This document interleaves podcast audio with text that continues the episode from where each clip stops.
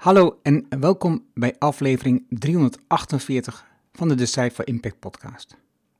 Je leert van ondernemers en ondernemende mensen die bijzondere resultaten bereiken, welke besluiten ze genomen hebben om hier te komen, wat ze doen, de strategie en hoe ze klanten krijgen.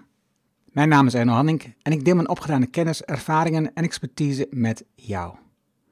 Ik coach ondernemers zodat ze besluiten nemen om in impact te groeien. Vandaag het gesprek met Christine Zwart. Christine is oprichter van firma Twist, een regiebureau voor veranderstrategie, stakeholder management en communicatie. Steeds meer organisaties denken na over hun rol in de wereld en nemen het voortouw bij het aanpakken van maatschappelijke issues. Firma Twist helpt organisaties bij het waarmaken van die ambities.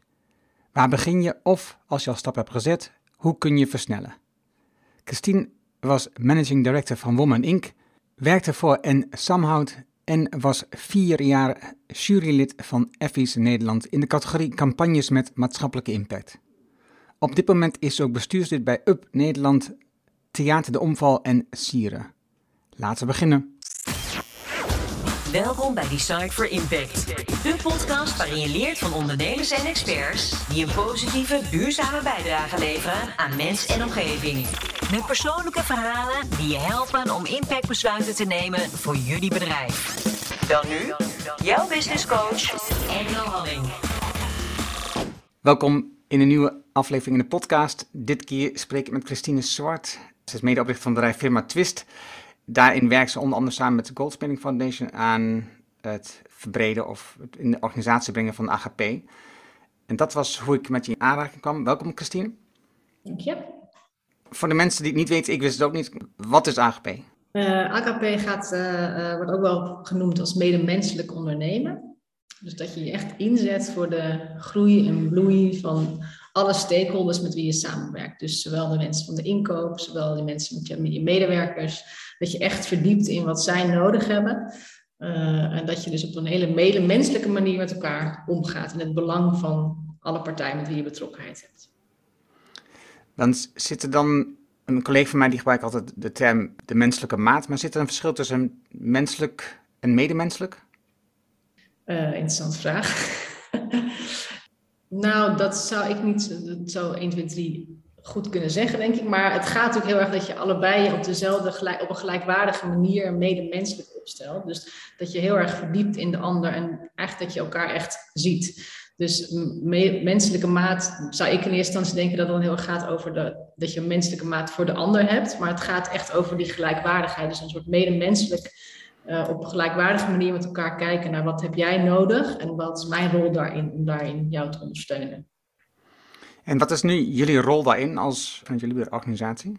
Ja, uh, ja, wij zijn dus niet de uh, kennispartij van AGP, maar inmiddels weten we er wel steeds meer van. Maar wij zijn oprichter van firma Twist. En firma Twist helpt eigenlijk allerlei partijen om hun idealen te realiseren. In dit geval is dat vanuit de Goldsmithing Foundation dat ze heel graag willen dat het begrip AGP steeds meer wordt gebruikt en dat het bewustzijn van het belang van AGP wordt vergroot. Um, dus wij werken voor allerlei verschillende partijen, veel fondsen, veel vermogensfondsen, veel stichtingen. En in dit geval werken we heel actief samen met Harry Hummels. Harry Hummels is ook de schrijver onder andere van het boek wat je net uh, liet zien. En eigenlijk heeft hij al heel veel, uh, uh, ja, het bloed, zweet en maar samen. en hij heeft heel veel kennis over agape. Maar wat wij wel vaker zien als firma Twist is dat er dus wetenschappers zijn die ontzettend mooi onderzoek hebben gedaan. Heel veel mooie inzichten. Maar hoe ga je dat nou vertalen naar de praktijk? En daarin hebben we eigenlijk een samenwerking gestart. Uh, en hebben we ook nu gezegd dat we een nieuwe stichting op gaan richten rondom AGP. Om echt samen te kijken van hoe kunnen we die kennis en die inzichten die er al dus wel zijn. Maar hoe gaan we die ook nu inbrengen bij verschillende ondernemers en bij grote netwerkorganisaties. Om te zorgen dat het AGP uh, uh, ja, bekender wordt. Maar vooral ook van hoe ga je dat dan doen. Dus hoe ga je daarmee aan de slag. Dus onze samenwerking bestaat ook uit drie delen. Dat aan de ene kant gaat Harry Hummels als uh, een beetje de, de, ja, de wetenschapper die heel veel weet over deze term, nu een praktijkgids ontwikkelen. Dus hoe breng je AKP in de praktijk? Uh, we gaan praktijkklassen ontwikkelen. Dus dat je echt aan de slag gaat samen met de mensen op de, de werkvloer van hoe gaan we samen zorgen dat je AKP is. Wat betekent dat dan? Wat vraagt dat van jou als persoon? En wat betekent dat in jouw um, aanpak binnen je organisatie? En als derde laag willen we eigenlijk gewoon zorgen dat veel meer mensen steeds bewuster worden van deze term en wat het ook oplevert en wat ook, waarom het zo belangrijk is om mee aan de slag te gaan. En dat is eigenlijk de samenwerking in de driehoek tussen de Goldsmeding Foundation, Harry Himmels en, uh, en wij als firma Twist. En dat laatste stuk, met name dat je dat positioneert in de markt, dat je dat goed over communiceert, dat is, dat is jullie expertise. Ja, maar ook, dat, we, we, kijken ook mee met Harry, zeg maar, qua, ja, we, soms wordt de term valorisatie gebruikt, maar hoe gaan we die kennis, die dus nu in een boek zit, ook wat meer uh, op een manier vertalen dat veel meer mensen ermee aan de slag kan. Dus hoe maak je het ook praktisch? Dus ook kijken wij actief mee op de praktijkklas en op de praktijkgids. Waarom ben jij ooit Firma Trust, waarom zijn jullie Firma Trust begonnen? Um, nou, ik was hiervoor managing director in de tijd van Women Inc. Uh, daar hebben we ook allerlei uh, thema's op de agenda gezet, maar dan in het belang van de positie van vrouwen en mannen. Dus uh, denk aan loonkloof, aan het belang van vaderschapsverlof, partnerverlof. maar ook dat de hele gezondheidszorg op het mannenlichaam is gebaseerd en dat er daardoor veel, wordt gemist bij vrouwen. Um, en wat ik daar merkte is dat we een bepaalde methodiek steeds meer ontwikkelden van hoe creëer je nou eigenlijk maatschappelijke verandering. En daarin uh, hebben wij ook een soort methodiek als firma Twist zelf. Die hebben, heb dus eigenlijk samen met Women Inc. zijn we daar steeds verder mee gegaan. Maar ik merkte dat er een behoefte was bij meerdere partijen die langskwamen en mij vroegen van hoe doe je dat eigenlijk? Zo'n alliantie samenstellen of hoe doe je zo'n maatschappelijke campagne? Uh, hoe doe je agenderen? Hoe meet je de impact? Nou, en ik begon zelf steeds meer over na te denken van ik vind het zelf namelijk thema um, de kansen van vrouwen heel interessant. Maar ik vind heel veel thema's heel interessant. En wat ik vooral heel leuk vind, is welke knoppen kan je aan draaien. Welke, om dus die maatschappelijke verandering te realiseren. En uh, nou, toen ben ik zelf nog de opleiding bij Nijrode gaan doen. De Advanced Social Entrepreneurship. En dan zit je met allemaal sociaal ondernemers. Uh, die natuurlijk allemaal zeggen, je moet gaan ondernemen. Uh, ik had dat toen zelf nog niet gedaan. Ik vind zelf het verschil tussen ondernemend zijn en ondernemen ook die voelt wel groot als stap, maar eigenlijk als je, of je nou directeur van een stichting bent en daar heel veel ondernemerschap moet laten zien, of dat je een eigen bedrijf hebt, vind ik niet eens een heel groot qua verschil. In beide wil je gewoon mooie projecten doen om ja, maatschappelijk verschil te maken. En uh, dus uiteindelijk 2,5 jaar geleden samen met twee andere vrouwen met z'n drieën dit opgericht. Um, en ik merk gewoon dat, uh, dat er wel een vraag is van hoe creëer je nou echt duurzame verandering. Uh, die verder gaat dan het jaarverslagvinkje. Uh, en dat zie je natuurlijk nog wel veel. Dat het, ja, dus daar, werken dus ook veel voor partijen die echt zeggen, we hebben een stip op de horizon. Wij willen over 10 jaar, over 20 jaar deze verandering realiseren. En kunnen jullie daar onze partner in zijn. Wat is jullie stip op de horizon? Nou, dat is dus het grote verschil dat wij zelf geen stip op de horizon hebben. Behalve dat we heel graag mooie programma's willen doen. Maar uh, het grote verschil, zeg ik ook, was met mijn vorige rol, is dat we dus allerlei thema's zelf agendeerden. Maar nu komt eigenlijk die stip door de voordeur lopen. Uh, en wij werken dus onder andere voor de samenwerkende gezondheidsfondsen. Dan gaat het over de, die willen graag de gezondste generatie uh, in Nederland realiseren in 2040. We werken voor um, ja, allerlei grote partijen die eigenlijk zeggen dat ze bijvoorbeeld de gezondheidsverschillen willen verkleinen bij gezinnen die kwetsbaar zijn.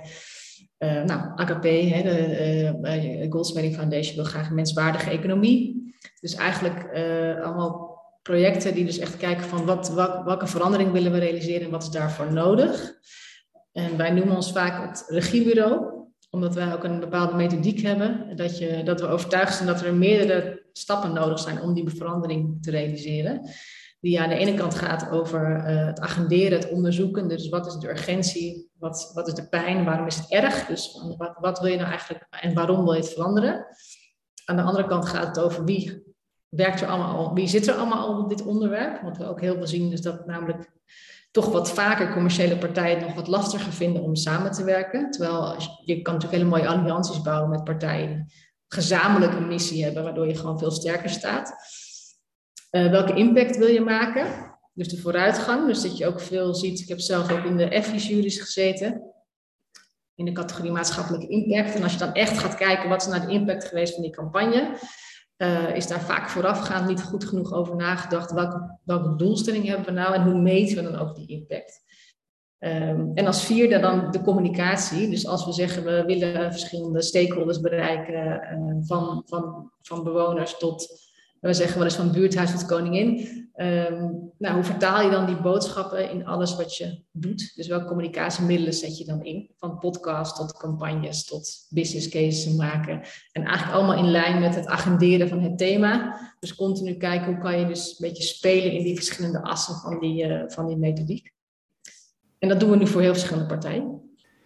Die allianties bouwen, dat is interessant, vind ik zelf altijd. Omdat ik merk dat veel organisaties en bedrijven op dit vlak die hier op werken, die hebben eigenlijk eenzelfde soort motivatie. Dat ze iets willen bereiken. Bijvoorbeeld als je kijkt naar het uh, verschil tussen mannen en vrouwen, wat je het beschreef, maar ook de loonkloof en dat soort dingen. Wat mij dan vaak opvalt, is dat ze eigenlijk de verschillen van elkaar benadrukken. In plaats van dat ze elkaar opzoeken om samen te werken, om samen juist gas te geven op datzelfde onderwerp. Hè. Dus elkaar te versterken in plaats. En dus, en dus in plaats van elkaar te versterken, zijn ze vooral bezig met. Dit is onze positie en die is anders dan die positie van dat bedrijf. Want omdat je je eigen klanten of partners of wat dan ook wilt aantrekken. Hoe, hoe voorkom je dat? Nou, dat is ook inderdaad ontzettend moeilijk. In de zin van dat het, dat het ook wel mijn uh, uitdaging is. Dat je toch bij heel veel allianties en samenwerkingsverbanden ja, kijk, ergens is het heel menselijk, denk ik. Ik denk door te erkennen dat het heel menselijk is dat iedereen zeg maar, daar ook zit vanuit zijn eigen positie en zijn positie van zijn organisatie. En dat ik, ik denk dat het bij dat soort samenwerkingsverbanden heel belangrijk is dat er transparantie is en ook ruimte voor kwetsbaarheid. Dus uh, omdat je uh, uiteindelijk zit je daar ook allemaal vanuit je eigen organisatie, heb je je eigen ja, soms behoefte om zichtbaarheid te creëren, moet je de positie van je organisatie. Kijk, bij commerciële organisaties is dat nog veel ingewikkelder dan bij minder commerciële organisaties, maar daar heb je dat ook. Uh, en ik denk het allerbelangrijkste is dat je uh, toch een soort onafhankelijke motor hebt, die wij vaak zijn. Uh, juist om elke keer te blijven wijzen op van, maar waar, waar gaan we nou naar heen met elkaar? Dus wat is nou die stip? En wat wilden we ook met elkaar weer bereiken? En dat maak je altijd uiteindelijk al die posities, alles wat het soms in de weg zit, moeten uiteindelijk altijd weer ondergeschikt zijn aan dat maatschappelijke doel dat je met elkaar hebt. Maar dat is wel best hard werken. En dat is ook best uh, uh, uh, ja, ingewikkeld. Maar ik stel vaak veel de vraag bij samenwerkingsverbanden: oké, wie wilde graag met zijn, wie wil graag het interview geven in de krant? En dan zie je al dat vier mensen zeggen: ja, dat wil ik. Dus dan is het ook heel transparant dat je zegt dat is ook helemaal niet erg. Want als vier mensen willen zichtbaar willen zijn op dit thema, dan moeten we met elkaar kijken hoe je dat doet. Maar als je dat niet uitspreekt en dat, en dat onder water laat uh, liggen, dan kom je het altijd tegen. Dus je moet het volgens mij zo zichtbaar mogelijk maken dat het, dat het oké is dat die, um, ja, dat die posities er zijn en dat die wens er ook is. Maar dat je uiteindelijk altijd weer teruggaat naar het maatschappelijk doel en daar heel goed in kijkt van wat is dan de route die voor iedereen ook het prettigst is. Maar je hoopt ook wel een stukje kwetsbaarheid bij elkaar, dat je daarin ook dat, dat laagje, dat je daar overheen komt. Wat dat vaak in de weg zit. Maar het is best moeilijk. En ik denk dat weinig mensen het goed kunnen. Want ik denk ook dat er, dat, uh, ik ben daar zelf ook wel mee bezig. Hoe kan je dat nog steeds beter doen? Maar ook denk ik dat heel veel mensen namelijk heel veel zeggen, laten we samenwerken. Maar samenwerken is een heel mooi woord. Maar samen, echt samenwerken, dat eh, is voor heel veel partijen ontzettend moeilijk. En dan helpt het dus wel als iemand daar ook een beetje uh, die zonder positie zit, daar een beetje op kan blijven duwen. Ja, als ik zelf kijk naar het samenwerken, ik merk dat ook. Dat met, als je met mensen gaat samenwerken, is, ik heb sinds het begin van corona de regels, alleen ga je sneller en samen kom je verder. Ja. En, en dat is de gedachtegang waarom ik samenwerking met mensen aanga.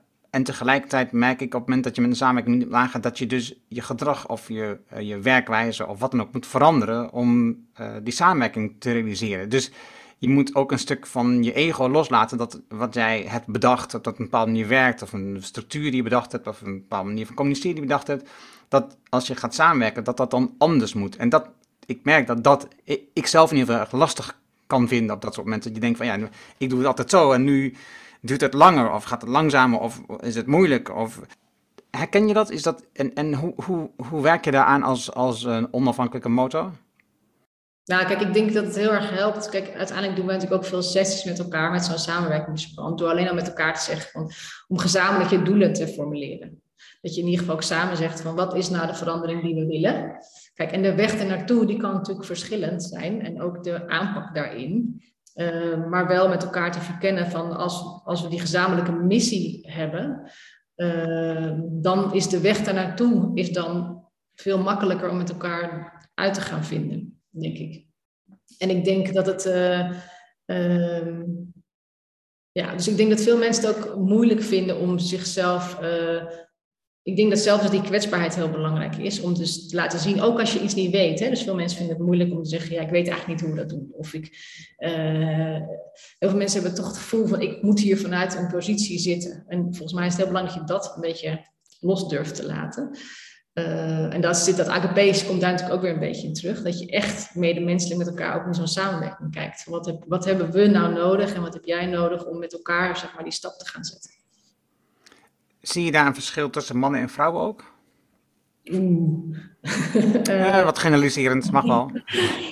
Nou, nee, maar ik denk wel dat, dat er toch vaak nog mannen iets, nog iets meer met hun positie bezig zijn, in sommige gevallen.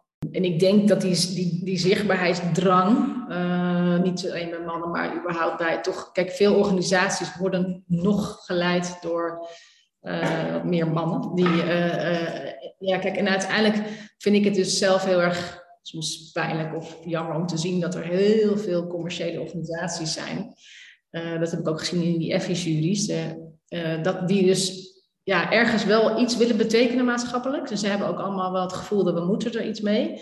Maar het is nog heel vaak het jaarverslagvinkje, zeg ik dan. En, het is, en als je het dus hebt over die langetermijn samenwerkingen, die lukken dus ook niet bij die organisaties. Want die stip op de horizon, die is kortstondig. Dus het is toch, we willen even snel, snel een mooie campagne doen, vaak, hè? niet allemaal. Niet, uh, maar je ziet nou wel langzaam een verandering komen. En je ziet langzaam dat partijen natuurlijk uh, de SDG steeds meer gaan omarmen. En dus echt zeggen, we willen echt kijken naar die verandering. Maar als je dan toch kijkt, ook in die jury van de Effies, dan gaan er miljoenen gaan er uit naar campagnes over een maatschappelijk vraagstuk.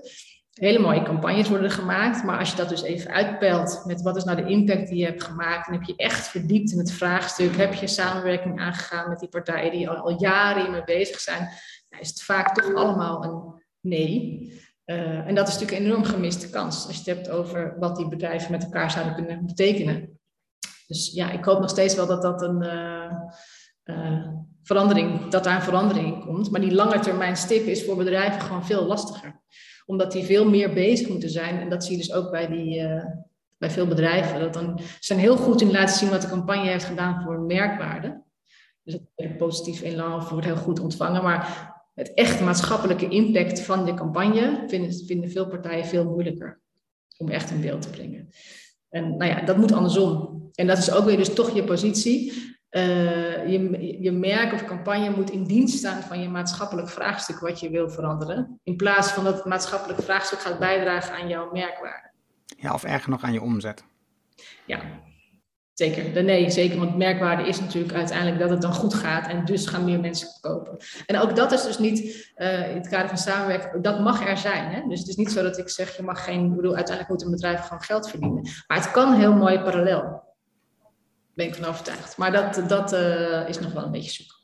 En dat is dus het grote verschil waarom wij dus ook toch meer werken voor uh, fondsen en stichtingen, die hebben uiteindelijk niet die drang voor uh, merkwaarde en dus omzet. Want die hebben natuurlijk gewoon funding. Dus kunnen op een heel andere manier kijken naar een maatschappelijk vraagstuk. Wat zij de komende tien jaar zich voor willen inzetten. Dan komt een lastige vraag aan. Vind je dan niet dat je vanuit jullie organisatiebedrijf meer voor die commerciële bedrijven zou moeten werken om, dat, om daar een bijdrage aan te leveren juist? Ja, dat, dat, dat, dat, ja, dat wil ik ook wel graag. Maar dat is best, uh, ik heb het ook wel gedaan met een aantal merken, maar, dan, maar dat is best uh, taai. Kijk, uiteindelijk is dat een, een um, ik heb ook wel een keer een blog geschreven de adformatie over, maar het is, uh, ja, dus dat is niet, niet een moeilijke vraag, maar wel een vraag die mezelf als bezighoudt, van hoe hard moet je daar nou op trommelen?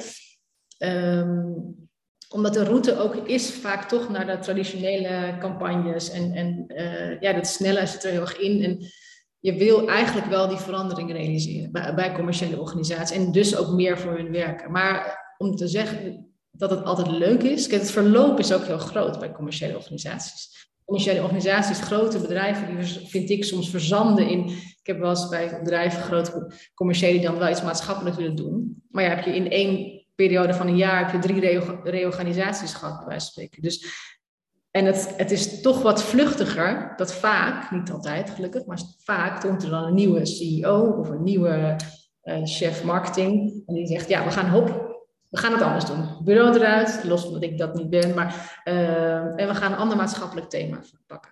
Dus ehm, en dan daar, daar verlies je dus elke keer weer de kans om te zeggen, je wil echt met elkaar die, die, die lange termijn verandering realiseren. Maar goed, er komt natuurlijk wel een kantel, steeds meer een kantelpunt. En dat is natuurlijk ook het mooie van AKP, maar ook uh, van steeds meer partijen. Dat dus op een andere manier gekeken gaat worden van wat is nou de winst van je organisatie en ten koste van wat is dat gegaan.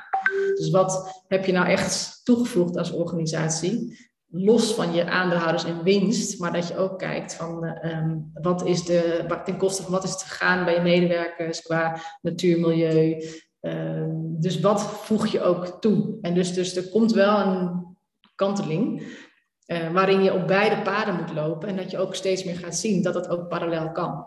Dat meten en het inzichtelijk maken van de impact die je hebt. Het is, dus op het economisch vlak, of dus omzet en winst, dat is vrij eenvoudig. Hè. Daar hebben we bekende meetmethoden van. Maar het inzichtelijk maken van de impact die je hebt, dat is nog niet zo eenduidig. Dat is nog niet zo helder.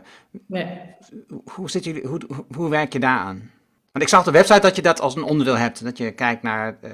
Nou ja, kijk, uiteindelijk kijken wij dus wel van welke, welke impact wil je maken en hoe, hoe maak je dat meetbaar inderdaad. Uh, dus uiteindelijk gaat het natuurlijk gewoon om dat je de mensen zelf voor wie je het doet ook echt uh, bereikt. Dus eh, en wat is impact? Hè? Dat is natuurlijk ook, zoveel mensen gebruiken de term impact. Ehm, wij werken ook voor een programma, daar hebben we het steeds vaak over. Heb je nou een leuker leven gerealiseerd? Voor, of heb je nou echt iets bijgedragen aan de kwaliteit van leven? Of wat ervaren, gezondheid? Dus dat kan je natuurlijk allemaal meten.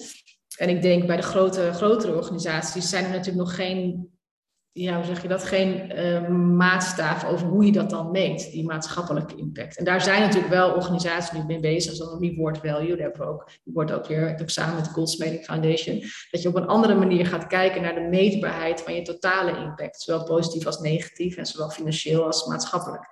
Maar uh, zolang je daar niet een soort standaard voor hebt dat we geaccepteerd hebben, zo meten we dat. En uh, ik hoorde vorige week bijvoorbeeld op de radio, en dat valt me dan op, dat PwC de groene cijfers lanceerde. En dezelfde week hoorde ik ook Ernst Young over ook de maatschappelijke cijfers. Dat, ah, dus, dus je merkt dat er een soort kanteling is, dat, dat bedrijven wel steeds meer kijken van je, wat zijn je groene cijfers. Dus nou, dat, is, dat, dat, geeft, dat gaat denk ik wel een soort versnelling erin brengen, omdat ja, er steeds minder wordt geaccepteerd als je die cijfers de andere kant niet kan laten zien op een gegeven moment. En dan zul je ook, zeg maar, als je echt dus impact wil maken, weer wat meer naar die lange termijn moeten. Want als je de kortstondige dingen doet, ja, hoe ga je dan echt laten zien dat je dus dat je niet, ook, dat je niet alleen uh, omzet maakt, maar ook maatschappelijke winst maakt.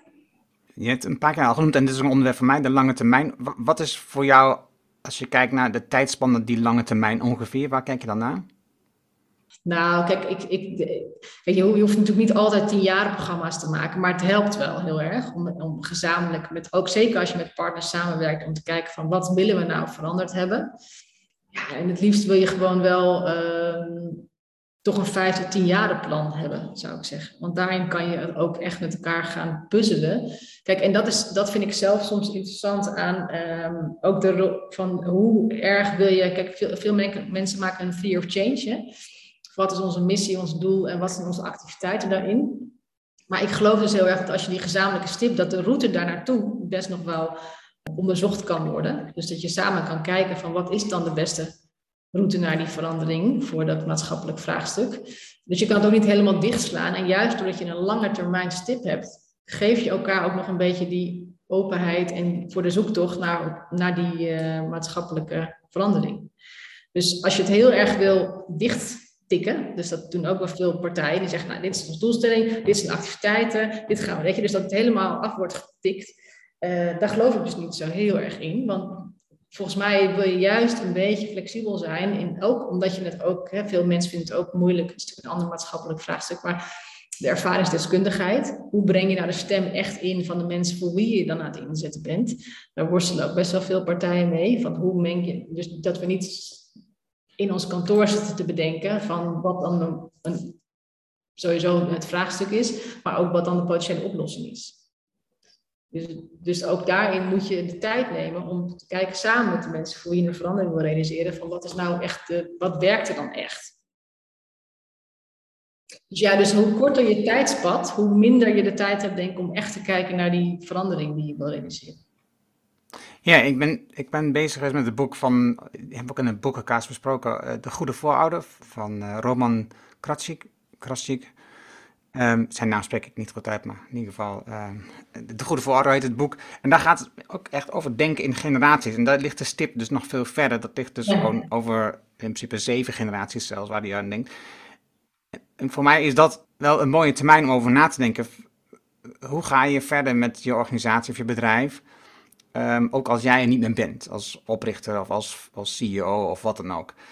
En, dat, en tegelijkertijd geeft dat dus ook uh, die flexibiliteit die jij beschrijft over hoe je dat dan gaat invullen in de tussentijd. Hoe ga je dan de stappen zetten om dat te realiseren? Maar het geeft je ook de ruimte om wat meer um, rust te nemen om het te realiseren. Om uh, dingen te onderzoeken en het goed op te pakken. In plaats van te zeggen, ja, ik heb een doel, dat moet dit jaar gericht zijn. Dus we moeten nu een campagne voeren om uh, de volgende stap te zetten. En dat, want ja, waarom helpt een campagne dan? Hè? Dat, heb, je dan heb je ruimte om dat goed te onderzoeken bijvoorbeeld? Ja, nou ja, dat is, dat, we hebben ook uh, gewerkt voor Lab Toekomstige Generaties. Misschien ken je dat dan ook. Dat gaat over de, uh, de, zeg maar de volgende generaties en hoe je dus nu eigenlijk, ja, hoe kijk je naar het zeven generaties terug, zeven generaties vooruit. Maar de grap is ook inderdaad dat, dat diezelfde zichtbaarheid waar wij het net over hadden, komt dus ook vaak de kleine stapjes die soms zo mooi zijn, Um, daar hebben we natuurlijk ook verschillende partijen van gezien, die dan heel groot zeggen van wij als dit merk hebben deze verandering uh, op ons. Nou ja, dan word je ook tegenwoordig best wel afgeslacht, omdat mensen denken, ja, dat, dat, dat klopt, dat is helemaal niet in verhouding met jij die claim maakt dat jullie als bedrijf die maatschappelijke verandering hebben geweest. Terwijl ik dan altijd denk, de schoonheid zit er misschien veel meer in die vijf mensen die, uh, voor wie je enorme impact hebt gehad. En breng dan die verhalen in beeld. Want dat, maar ook dat vinden mensen dus spannend, om, klein, om de kleine dingen groot te maken. Ze hebben eerder de behoefte om het heel groot neer te zetten als, en, en dan toch weer die, dan heb ik het over de commerciële organisaties dan vaak, om, om dus dat kleine juist, daar zit heel veel schoonheid in. Dus daar is ook interessant van wanneer hebben we nou impact en wat, wanneer zijn we dan met elkaar blij en wat hebben we dan voor elkaar gekregen. En, en, en ik vind zelf ook, uh, daar hebben wij natuurlijk ook veel gesprekken over met onze partners, van wanneer heb je dan impact? En wat is de onzichtbare impact? Want heel veel impact kun je niet één op één meten als je eigen resultaat. Maar je hebt heel veel gesprekken met mensen. Je bent overal vuurtjes aan het aanbakkeren. En dat ene gesprek kan wel leiden tot heel veel andere olievlekjes. Dus die olievlek is ook heel moeilijk om in zichtbaar te maken. Dus daarin nou ja, is dat gesprek ook met elkaar belangrijk. Van wanneer zijn we dan geslaagd? Ik, ik vraag me zelfs af of je dat werkelijk goed zichtbaar kunt en ook wilt maken. Want, want wat, wat, is nou het belang van dat je voor jezelf constateert dat je op een bepaald moment geslaagd bent? Want als je denkt over de volgende zeven generaties, kun je niet eens zien dat je geslaagd bent, want het gaat namelijk over de impact op een termijn die je niet, waar je helemaal geen deel van uitmaakt. Dus dat geslaagd zijn, voor mijn gevoel komt dat ook weer uit zeg maar, een soort Anglo-Amerikaanse omgeving, waarin je dus alle dingen moet meten en bepaalt of je succesvol bent. Terwijl succesvol, wat je net al zei, ligt denk ik veel meer in die kleine elementen. Hè? Dat, je, dat je ziet dat je vijf mensen hebt geholpen in plaats van nadenkt over hoe kan ik 10.000 of 100.000 mensen helpen. Ja. Nou ja, en het gaat soms ook denk ik over oprechte, uh, niet, niet, niet een gebrek aan, maar soms echt een oprechte interesse van wat... Kijk, ik heb ook bijvoorbeeld veel uh, campagnes dan langs zien komen in die jury. Uh, en dan zeiden ze, ja, we hebben, hadden ze een bepaald thema. En dan, ja, we hebben 60.000 folders verspreid. Dat werd dan ingevuld bij de impact. En dan denk ik, ja, die kan wel 60.000 keer in de kattenbak liggen. Ik wil graag weten of er iemand is die door jouw campagne, al zou het er vijf zijn, die zeggen van, ik ben mijn gedrag gaan veranderen. Ik ben echt dit gaan doen doordat ik jullie, uh, ja, jullie boodschap heb gezien of daarmee aan de slag ben gegaan. En uh, dat is natuurlijk veel interessanter, ook voor jezelf, als je op die positie zit. Want dat is wat je hoopt dat je bereikt. Niet dat heel veel mensen het zien. Dat zegt dan niks. Dus, dus nee, dus je, inderdaad, je, je hoeft het niet helemaal te vast te leggen, maar wel van wat, willen we dan bereiken met elkaar? Of wat, wat is dan die ene verandering voor, bij een persoon waarvan we zeggen, nou daar zouden we echt, worden we echt trots van. ik volg bijvoorbeeld Twitter een jongen die uh, vegan is en die heel erg aandacht schenkt aan de mishandeling van dieren, zoals hij dat noemt. Uh, Omdat ze geslacht worden of omdat het um, bokjes worden afgeslacht omdat je uh, geitenkaas wilt hebben. En de dodingsfabriek noemt hij de slagerij ook bijvoorbeeld en dus ik volg hem heel bewust op, op Twitter, omdat ik zelf bezig ben meer plantaardig te eten. Ja. En je ziet dat doordat hij uh, fanatiek reageert op uh, mensen die uh, iets vertellen over de barbecue. het is een slager die iets vertelt over de barbecuevlees wat er is bijvoorbeeld. Of een foto van een biggetje op een, dus van een slager. En er staat een vrolijk biggetje op. Het, het, is niet de praktijk. De praktijk is gewoon dat het, het, varken wat, het zit in een, in een stal en, en, en uiteindelijk maakt hij mij telkens weer bewust van de verandering die ik wil realiseren. En je ziet ook dat hij sommige mensen beweegt om die stap te zetten. En dat is denk ik precies wat om draait. Je, je wilt gewoon door jouw motivatie en daar continu aan te schenken, mensen beïnvloeden om hun eigen gedrag te veranderen door inzicht wat ze verkrijgen. Ja. En dat is heel klein, maar het is wel effectief uiteindelijk. Ja. Ja, maar er zit ook iets, dus een, uh, iets, uh, er zit ook een soort, en daar, daar moet ik dus nu soms vanuit AGP denken aan ook heel veel projecten waar we voor werken. Maar er zit ook een soort uh, oprechte nieuwsgierigheid in, die belangrijk is in, het, in de ander. Want het heeft ook geen zin om mensen te vaak, vind ik, te veroordelen of, of iets wat niet goed is. Weet je, het gaat erom dat je echt ook nieuwsgierig bent van waarom, wat houdt jou tegen in dat, gedrag? Of uh, waarom heb jij die bepaalde aannames ehm, hoe kunnen we die wegkrijgen? Hè? Dus het gaat ook echt over het verdiepen in de persoon voor wie je dan die verandering wil. En dat, um, dus je spreekt echt de persoon de hele tijd aan um, en gaat voorbij aan bepaalde stereotypen of aannames die er dan vaak zijn. En dat is denk ik ook heel belangrijk als je het hebt over dat je echt iets wil veranderen. En dat gaat, dat, dat gaat natuurlijk ook vaak over AKP. Dat je dus je echt verdiept in de ander. Ja, dus als je het hebt over inclusief werkgeverschap, wat dan ook zo'n thema is, heel veel mensen denken, oh, we zijn inclusief werkgeverschap. We hebben een mooi aanbod aan, uh, aan uh, allerlei dingen voor de medewerkers, maar gewoon vragen echt van wat, wat heb jij nodig of wat mis jij hier en daar echt weer die dialoog aan te gaan. Dat vind, uh, dan krijg je toch ook weer die afstand een beetje tussen ja, de besluitvormende mensen en de mensen met wie, dat, die afstand is vaak wel groot. En dan, daarin is die echte verdieping nodig. Dus ook als je iets wil veranderen voor de, persoon voor wie je inzet, moet je weten wat de drijfveren en wat de aannames zijn die je zelf hebt die niet kloppen. Ja, en dat is natuurlijk ingewikkeld als je organisatie groter wordt, want dan wordt de afstand met het algemeen met de mensen die het betreft vaak ook groter. Ja, tegelijkertijd is het, weet ik dus niet of dat nou zo ingewikkeld is. Snap je? Dus het is, het is ik, ik moet wel, uh, iemand, uh, er was ook laatst iemand die ook werd gevraagd om een, een presentatie te geven over inclusief werkgeverschap bij een grote bank. En die man die is ook lekker direct, die zei, nou weet je wat je moet doen? Je moet gewoon om je heen kijken. En als het allemaal dezelfde mensen zijn, moet je daarover met elkaar het gesprek hoe dat nou komt. En ik, kan ook een hele mooie presentatie geven, maar je moet gewoon met elkaar in dialoog. En ik heb daar ook hele mooie sessies over gehad, ook bij andere merken. En dan ging het over een, bepaalde een, mooie campagne die werd ontwikkeld over uh, de Ramadan. En daar werkten allemaal uh, mensen die zeg maar islamietisch waren in die organisatie, maar er was nooit gevraagd: wat vinden jullie nou van deze campagne? Dus de campagne was ook helemaal niet goed, niet mislukt, zeg maar. Helemaal de, ja, waar hebben ze heel veel geleerd als organisatie, want die hebben zich kwetsbaar op durven stellen en zeggen: oké, dat hebben wij gemist. Terwijl één tafelsessie met de mensen in je bedrijf van oké, als we nou zo'n soort campagne willen doen, en wij weten het niet, want wij zitten vanuit ons beste perspectief en hebben allerlei aannames. Hoe kunnen we dat nou het beste doen? Dat, dat moet toch eigenlijk altijd mogelijk blijven in een organisatie.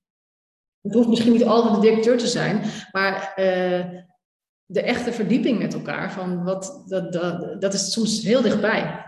En dat wordt dan ja, toch vaak overgeslagen of niet ingezet. Ja, dat is een goed punt.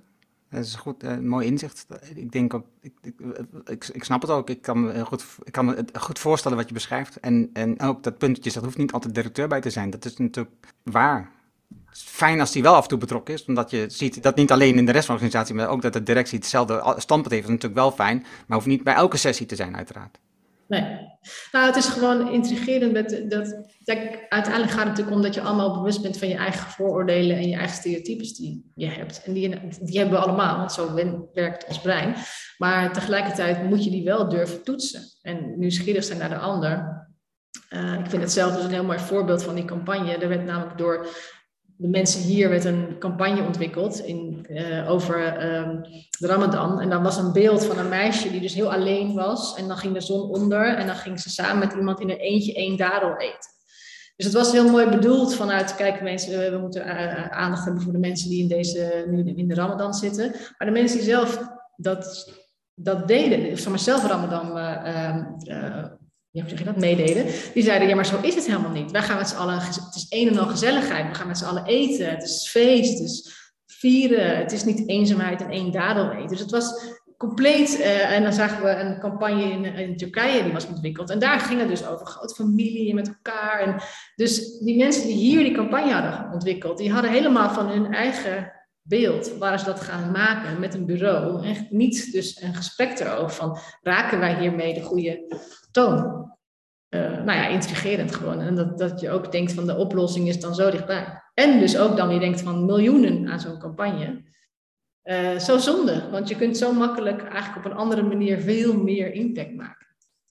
En dat is dus niet goed of fout, want uiteindelijk gaat het erom dat je gewoon durft toe te kennen van, ik weet ook niet precies hoe je dit op de beste manier doet, maar laten we daarover met elkaar in dialoog gaan. En dat is natuurlijk dan wel weer heel erg dat je echt verdiept in de ander. Als je naar firma Twist kijkt, als ik naar de website gekeken, jullie zijn nu echt een vrouwenorganisatie. Ja, ernstig hè? ja. Een constatering. ik zie het vaker. Heb je voor jezelf, je hebt dan niet echt een stip op de horizon waar je het verschil maakt, jullie werken met bedrijven, maar heb je voor jezelf een idee van hoe groot jullie organisatie, hoe ver je wilt laten groeien? Nee, ik geloof zelf heel erg, ik gebruik zelf heel vaak de term organische groei. Ehm, en we zijn natuurlijk ook met z'n drieën het opgericht. Dus uh, ook daarin is het leuk om de verschillen te zien. Van, we hebben wel vaak gesprekken van waarin zit de groei? Zit de groei in de inhoudelijke uitdaging voor ons alle drie? Of zit de groei in meer, meer, in, uh, meer mooie projecten die je kan doen, meer impact die je kan maken?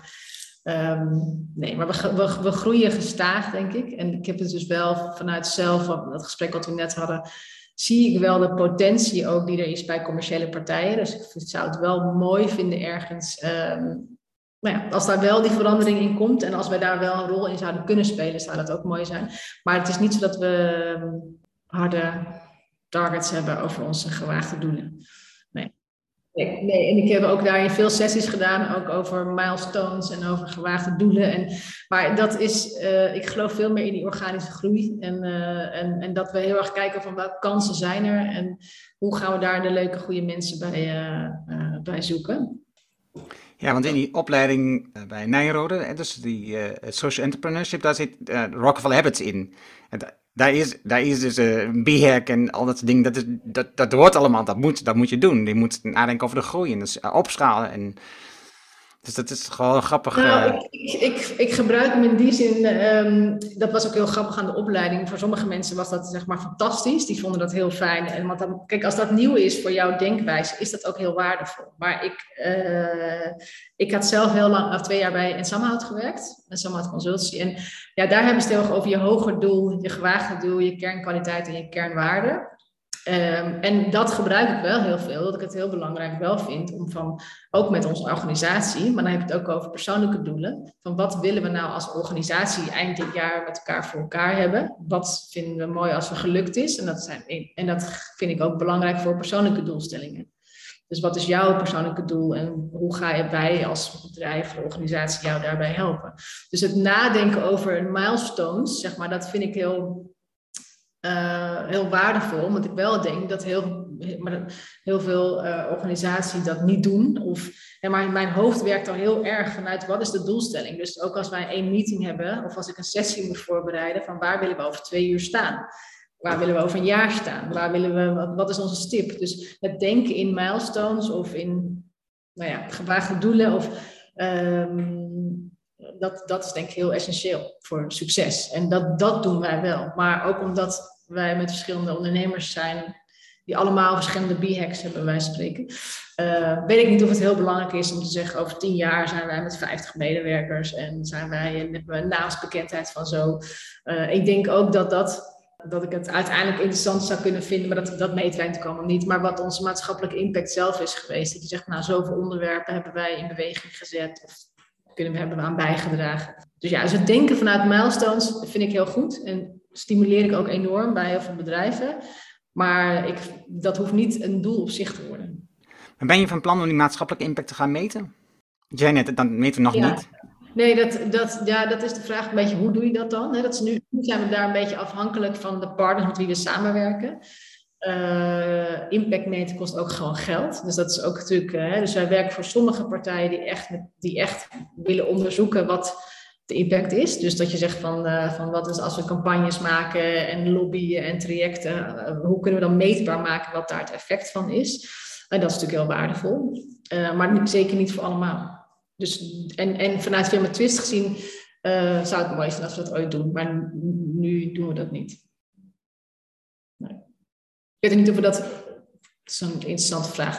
Maar ik weet ook niet of we dat. Uiteindelijk zijn we natuurlijk heel erg faciliterend aan de doelen die we voor andere mensen realiseren. En ben je daarin partners met elkaar. Dus het is mooi om te kijken van waar, waar, op welke manier draag je bij en ben je die motor. Maar ook daarin weet ik niet of onze persoonlijke rol altijd heel goed meetbaar is. Want je bent ook degene die die motor is, die de zorgt dat iedereen een goede route blijft gaan. Dus dan zeg ik wel van, zijn we een beetje de oliemachine of de motor. Maar in hoeverre je dat meetbaar kan maken. Maakt in ieder geval meetbaar door te vragen of mensen blij zijn met onze bijdrage. Mm Nou ja, ik kan me voorstellen dat het, zeker als je groeit als organisatie, eh, dat het helpt om medewerkers te betrekken en dat zichtbaar te maken, zodat medewerkers zich aansluiten bij je bedrijf en, en het aantrekkelijk maakt om voor je te gaan werken. Als je, als je dus die impact wel zichtbaar maakt. Hè. Dus um, tot nu toe met de bedrijven die ik heb gesproken, die dingen meetbaar maken, is dat, dat het voor de klant vaak niet zo heel relevant is. Dat het niet echt, meestal niet echt een plus is om dan te gaan kopen, als dat zichtbaar is het is veel meer voor het aantrekken van medewerkers, waarbij het enorm helpt dat mensen zeggen: ik wil, ik wil graag voor een organisatie eh, werken die impact heeft. En als dat, niet, als dat niet duidelijk is wat je dan doet, ja, dan is het altijd maar de vraag of het de werkelijkheid is, natuurlijk. Ja, alleen dat, dat, dat is ook zo, maar dat geldt denk ik heel erg voor de grotere organisaties die natuurlijk nu net moeite hebben om zeker zo'n nieuwe generatie van wat, wat is je maatschappelijke impact? Is eigenlijk de discussie waar we het net over hadden.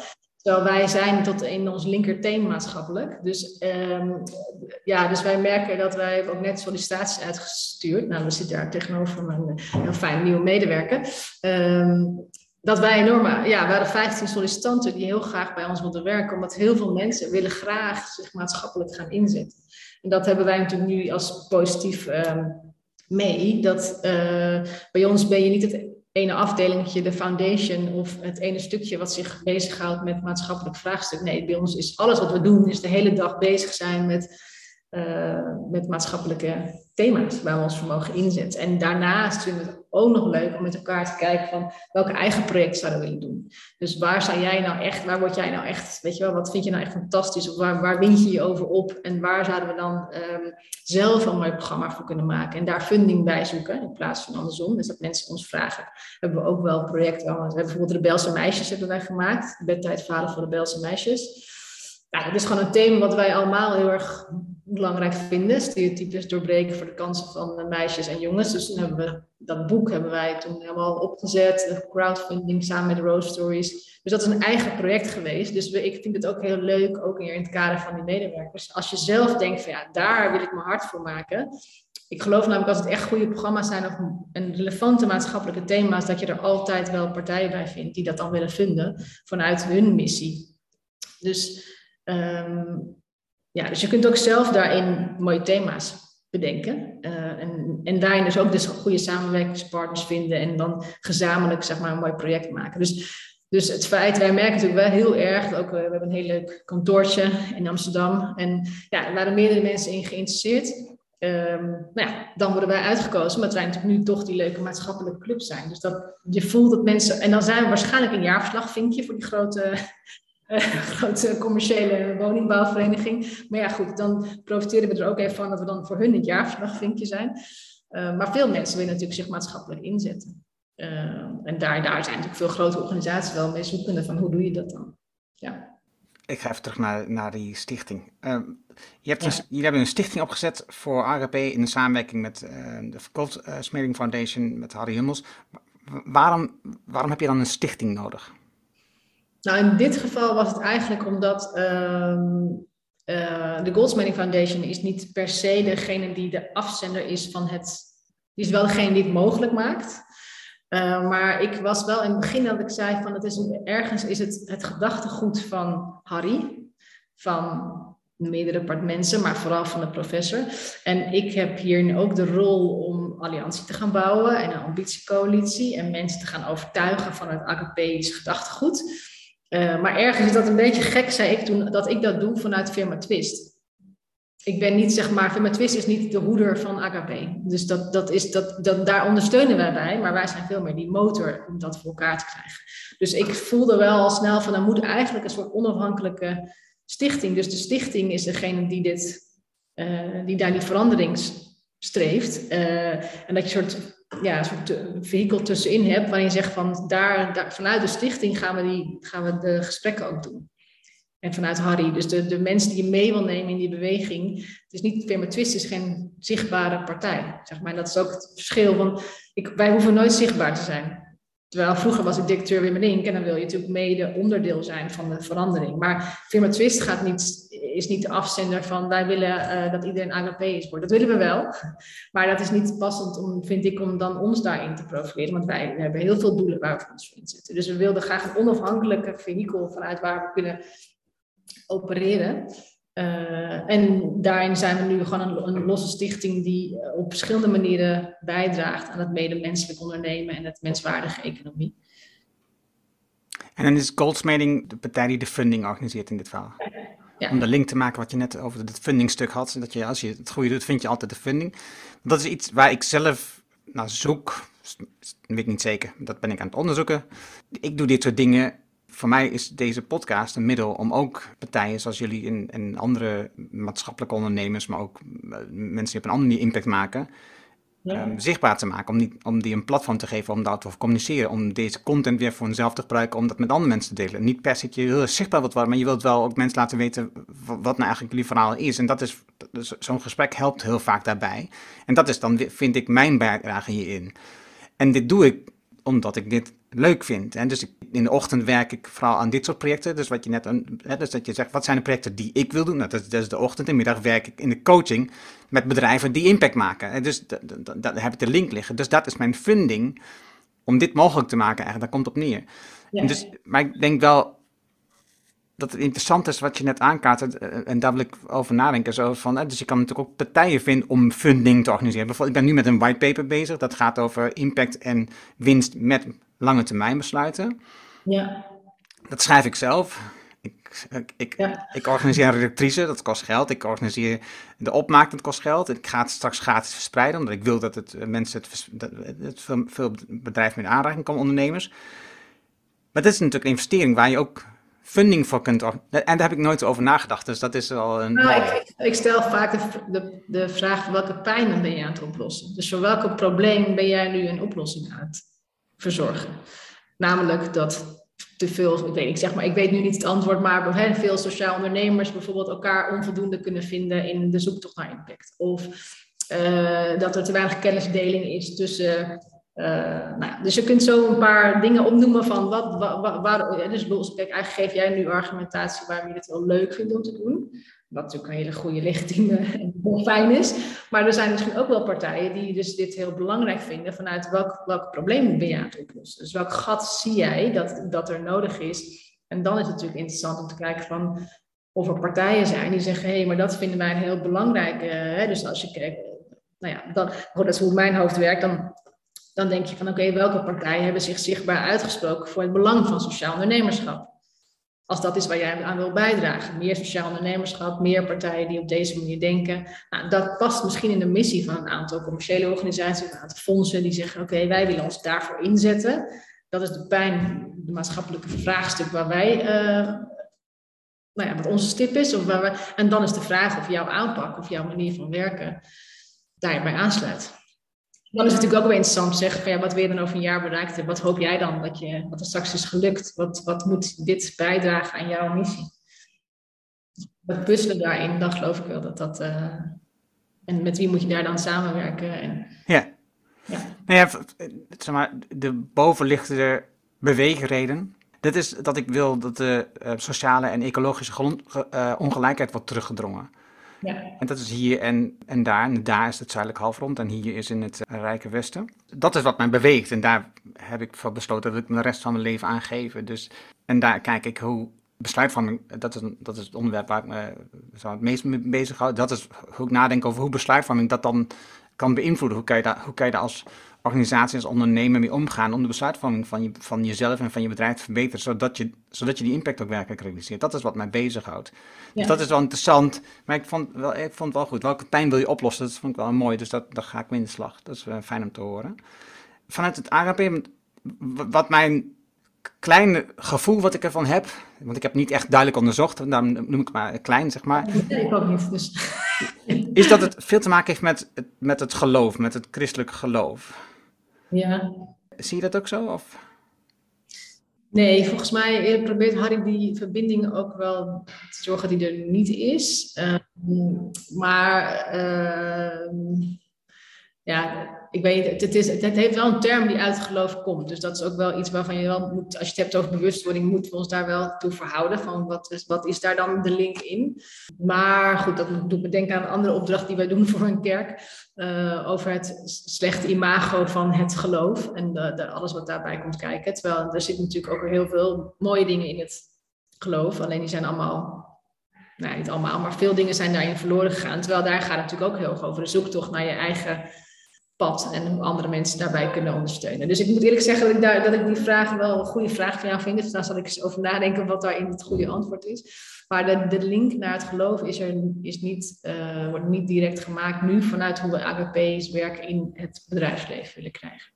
Nou ja, en, en, als je weer terugkomt op dat stuk van de straks waar we het over hadden, over die, het kijken naar die verschillen en die overeenkomsten. Hè? Dus dat je eh, die allianties zoekt. En die allianties zoek je natuurlijk vooral in de overeenkomsten en het doel wat je gezamenlijk wil bereiken.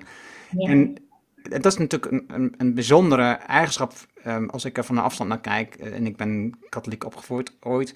In het geloof zie je natuurlijk ook sterk dat daar vaak wordt gezocht naar de verschillen. De verschillen tussen het ene geloof en het andere geloof. En er zijn natuurlijk, uh, laten we eerlijk zeggen, genoeg oorlog over gevoerd over die verschillen. En om dat uit te breiden, dat geloof. En tegelijkertijd, als je kijkt naar onderzoek bijvoorbeeld over waarom in bepaalde regio's uh, mensen, uh, de centennial, centennials, uh, vaker voorkomt. Mensen die dus ouder dan 100 in een bepaalde regio's vaker voorkomt. Daar speelt geloof een belangrijke rol. Niet vanuit welk geloof ze hebben, maar vanuit het feit dat het geloof een gemeenschap vormt waarin ze zich thuis voelen. Dat je ergens een plek hebt waar je, waar je ja, je gevoelens kwijt kunt, maar ook anderen kunt helpen en mensen kunnen jou helpen. Dat het geloof zijn waarde heeft, dat geloof ik beslist. Ja.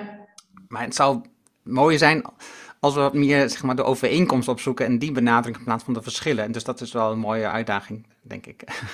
Zeker, ja, nee, het is grappig, want we, zitten, we zijn nu ook bezig uh, voor de Citykerk. En die wil juist heel graag een community, omdat heel veel mensen dus wel op zoek zijn naar die gemeenschap of die verbinding, maar dat heel moeilijk vinden om dat, uh, of moeilijk vinden om dat te kijken van waar, waar vind ik dat dan? En heel veel mensen natuurlijk op zoek zijn naar hun eigen uh, zielsgeluk of, en, en hoe kunnen mensen daarbij elkaar ondersteunen.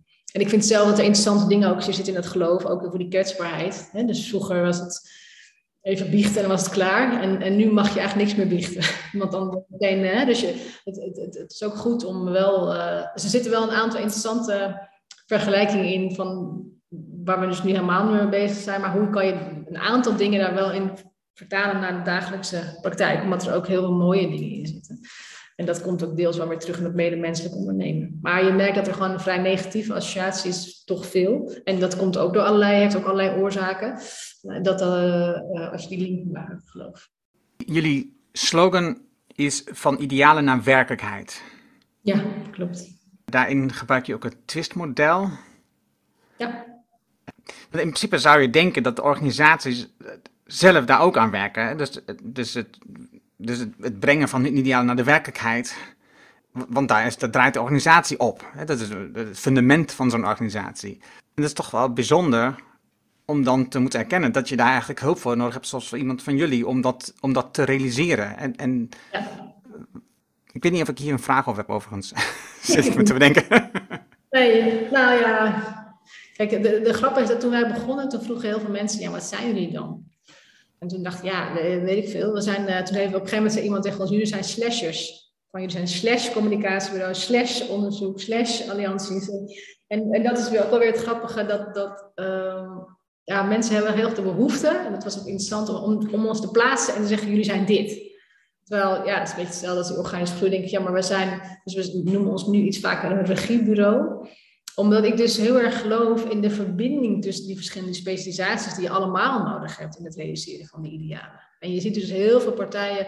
Dus wij zeggen ook niet dat wij, wij willen altijd samenwerken. Want een mooie campagne kan ik niet maken zonder een reclamebureau. Of het echt onderzoek doen en je wil het ook nog agenderen. Ja, daar heb ik dan een onafhankelijk mooi onderzoeksbureau voor, waardoor we met, daar met die onderzoeksresultaten in de pers komen. En als wij uh, impact willen meten, dan betrek je daar misschien ook een partij bij die daar weer. Dus uh, je bent eigenlijk een soort regisseur in dat pad van die maatschappelijke verandering. En daarin hebben wij wel met al die partijen die dat allemaal goed kunnen, hebben wij goede samenwerkingsverbanden, maar ook veel freelancers die op iets goed kunnen. En dat, is, dat, dat verandert denk ik ook wel een beetje. Dat hoor je ook wel, dat steeds meer partijen zeggen, je hebt gewoon verschillende dynamieken nodig in zo'n verandertraject. En niet één partij die, uh, die de campagne maakt en daarmee gaan we het oplossen ook daarin is het veel meer organisch puzzelen van wat heb je per moment nodig in dat verandertraject. Ja, en wat, je, wat, je, wat, wat ik dan veel bureaus zie doen als ze dan groeien, is dus dat ze al die specialisaties in huis gaan halen. Ja. En dus dat allemaal vanuit huis gaan doen. En dat betekent, misschien een beetje een kortere bocht constatering, maar dat betekent natuurlijk vaak dat je eigenlijk gewoon heel vaak kennis tekort hebt, omdat je te weinig mensen hebt op een bepaald gebied. En dus wat jullie doen, dat je het extern kunt samenwerking vindt, is natuurlijk veel, is natuurlijk veel mooier. Want dan kun je die expertise in zo'n specialisatie uh, veel beter uh, onderhouden en ontwikkelen. Maar wij kijken dus wel altijd vanuit, die, vanuit dat ideaal daarnaar. Dus, dus wel altijd vanuit die agenderende uh, blik. Dus als je een campagne maakt, dus wij kijken wel altijd mee op de content of hoe je het maakt, omdat wij wel nog beter dan die partij kijken van ja, maar daar moet het aan bijdragen. Dus jij bent wel dus de regisseur om op al die stukken wel te kijken vanuit die expertise, omdat we wel uh, veel expertise hebben over hoe creëer je nou die beweging. Ja, dus echt dat regiebedrijf wat je net ook al zei. Ja. ja. ja.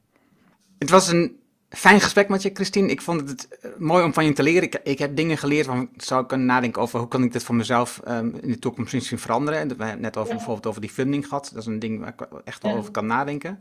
Die samenwerking is iets waar ik al heel lang aan werk. Maar toch nog heb ik daar weer punten van je geleerd van denk, oh ja, dat is wel wat ik meer kan onderzoeken. Hoe die gemeenschappelijke waarden, eh, hoe, hoe, vanaf het begin duidelijk krijgen. Hoe bedoelen we dat? En dan vanuit een gesprek met elkaar proberen nou ja, hoe zit je erin? Hoe gaan organiseren we dat dan?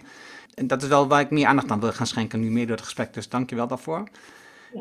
En, uh, nou ja, en ik hoop dat jullie veel bedrijven helpen om die maatschappelijke ideeën en, en, en, en idealen te veranderen in werkelijkheid. Ja, nou, het is wel grappig wat jij aanraakt, want over die commerciële bedrijven. Ik heb daar ook haast liefde mee. Want we werken nu voor geen één commercieel bedrijf.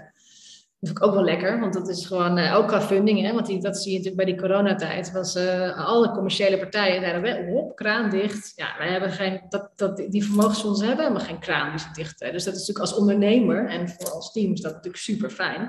We hebben al opdracht voor twee jaar tijd. En terwijl de reclamebureaus, die hebben allemaal, die kunnen elk moment een belletje krijgen. Ja, sorry, we gaan toch naar de TBA. Ja, en ja, dat is hier helemaal niet. Dat is hier helemaal niet. Dat speelt helemaal niet. Dus ik denk ook ergens van, joh, blijf lekker weg daar, kost het hem energie. Maar, maar vanuit mijn eindige intrinsieke drive denk ik, oh god, denk ik, jammer, jammer zeg. Maar kunnen, we zouden daar zoveel kunnen doen om daarin, eh, als we om dan net even een beetje anders zouden gaan kijken en anders gaan nadenken. En ook altijd dat die bedragen dan zie, denk ik, oh, vind ik echt pijnlijk. Denk ik echt, ja. Maar goed, dus misschien, hè, we hebben nog even te gaan. En als je het hebt over groei twist, misschien... Uh... Nou ja, je kan het, ik, ik zit net te denken, je kan natuurlijk een samenwerking denken met een, met een commerciële partij en een uh, partij die vanuit, vanuit de funding veel intrinsieker erin zit, uh, die ja. op meer lange termijn denkt. en op dezelfde, waar, en waar, waarbij jullie dan niet alleen de regierol nemen, ook maar zeg maar het onderwerp tot je nemen dan zou, dat best wel, dan zou je best wel mooie stappen daar kunnen zetten. En, en dat zal niet te veel tegelijk gaan, maar ik heb je wel... Eh, begonnen toen ben ik best wel... Ik heb best wel door die, dat ik die jury heb gedaan, best wat campagnebureaus. Maar die denken toch allemaal, ja, dat kunnen wij ook. Ja, ja, dat zal. Dan kom je toch weer in dat ego. En nou ja, zeker, ik bedoel, ik wil niet stereotyperen over reclamebureaus, maar dat zijn natuurlijk allemaal wel types. Dus die denken allemaal van, ja, wat een gebakken, wat een gelul. toch een beetje met de gebouwen, we moeten gewoon een mooie campagne maken. En uh, weet je, dus ja, dat is toch een heel ander DNA of zo. En, uh, en wij worden heel soms, wij pitchen eigenlijk niet, maar heel soms komt er dan zo'n organisatie en die, die vraagt dan drie reclamebureaus en ons. Dan denken we bijvoorbeeld al van, ja, dat, gaat, dat zijn echt appels en peren. Je kan dan beter inderdaad ons plakken aan zo'n campagnebureau. Maar dan, dat, dat, dat vraagt ook altijd toch een beetje van, ja. En doe je het dan niet? Ga je dan niet... Ehm, nou, wij doen het, nee, eigenlijk, we hebben het... Uh, laatst weer zo'n zo tech-organisatie, over, ging over meisjes in de techniek. En dan, dan voel je al, kijk, als mensen nou een campagnebureau vragen, dan willen ze, hè, ze vragen, kan maar mooi meteen een concept. En wat is dan de creatieve richting? Ja, zo denken wij helemaal niet. Wij denken over welke, welk maatschappelijk vraagstuk ga je nou oplossen? En waarom is het erg? En hoeveel meisjes hebben er last van? En wie zet zich er al voor in? Dus wij hebben een heel andere aanpak dan meteen een mooie film maken. En dat is ook niet erg, want dat is ook mooi, want zo'n film is ook weer. Maar wij denken gewoon heel erg vanuit dat twistmodel. Ja, en dat vinden dan soms mensen, die willen gewoon dan iets moois maken. Wat helemaal goed is, maar dan moet je ons niet hebben eigenlijk. Dan, dan, dat, uh, ja, dus ik, nou ja, laten, als we over vijf jaar elkaar weer spreken, of over tien, dan zullen we zien hoe dat veranderd is of niet. Ja. Dankjewel, Christine. Ja, ik hoop dat je er wat, het leuk is. Nou, dat, ik, dat weet ik in ieder geval zeker. dat was het mooie gesprek met Christine. Je vindt de namen en links die we noemden in het artikel waar deze uitzending hoort. Ga daarvoor naar de site slash 348. Wil je vanzelf automatisch de volgende aflevering op je telefoon ontvangen? Dat kan heel eenvoudig. Heb je een iPhone, dan zit daar standaard Apple Podcast app op. Open deze app, zoek de site van Impact Podcast op en klik op abonneer. Oh ja, en tegenwoordig moet je een vinkje aangeven dat je de aflevering ook werkelijk wilt downloaden. Heb je een Android-telefoon? Installeer dan eerst bijvoorbeeld de Player FM app. Open deze app Zoek de, site voor Impact Podcast op en klik op abonneer. Dankjewel hiervoor. Heb je een vraag, opmerking over deze aflevering met Christine of over de podcast in het algemeen? Stuur dan een e-mail naar podcast.decideforimpact.com. Ik hoor super gaaf van jou. Wil je leren hoe je ieder kwartaal 195 belangrijke acties realiseert? Wil je 7 tips hoe je uit de waan van de dag komt en de lange termijn doelen nu realiseert? Vraag dan het boek Impactbeslissingen voor een leider aan op de site van Impact.com. Dit is mijn nieuwste boek en je downloadt het dan helemaal gratis. Je hebt zelfs geen e-mailadres nodig. Er is ook een Kindle en EPUB versie. Wil je de papieren versie van dit boek? Dat kan ook. Je betaalt alleen de verzendkosten dan, omdat het mijn nieuwste boek is. Vraag het daarom nu aan. Vraag jouw boek aan op de site van Impact.com en ik weet je hebt een volle agenda, je leest het in één avond tijd. Dankjewel voor het luisteren en graag tot de volgende. Dankjewel voor het luisteren naar deze aflevering van de Decide for Impact podcast. Ga voor jouw volgende stap naar decideforimpact.com.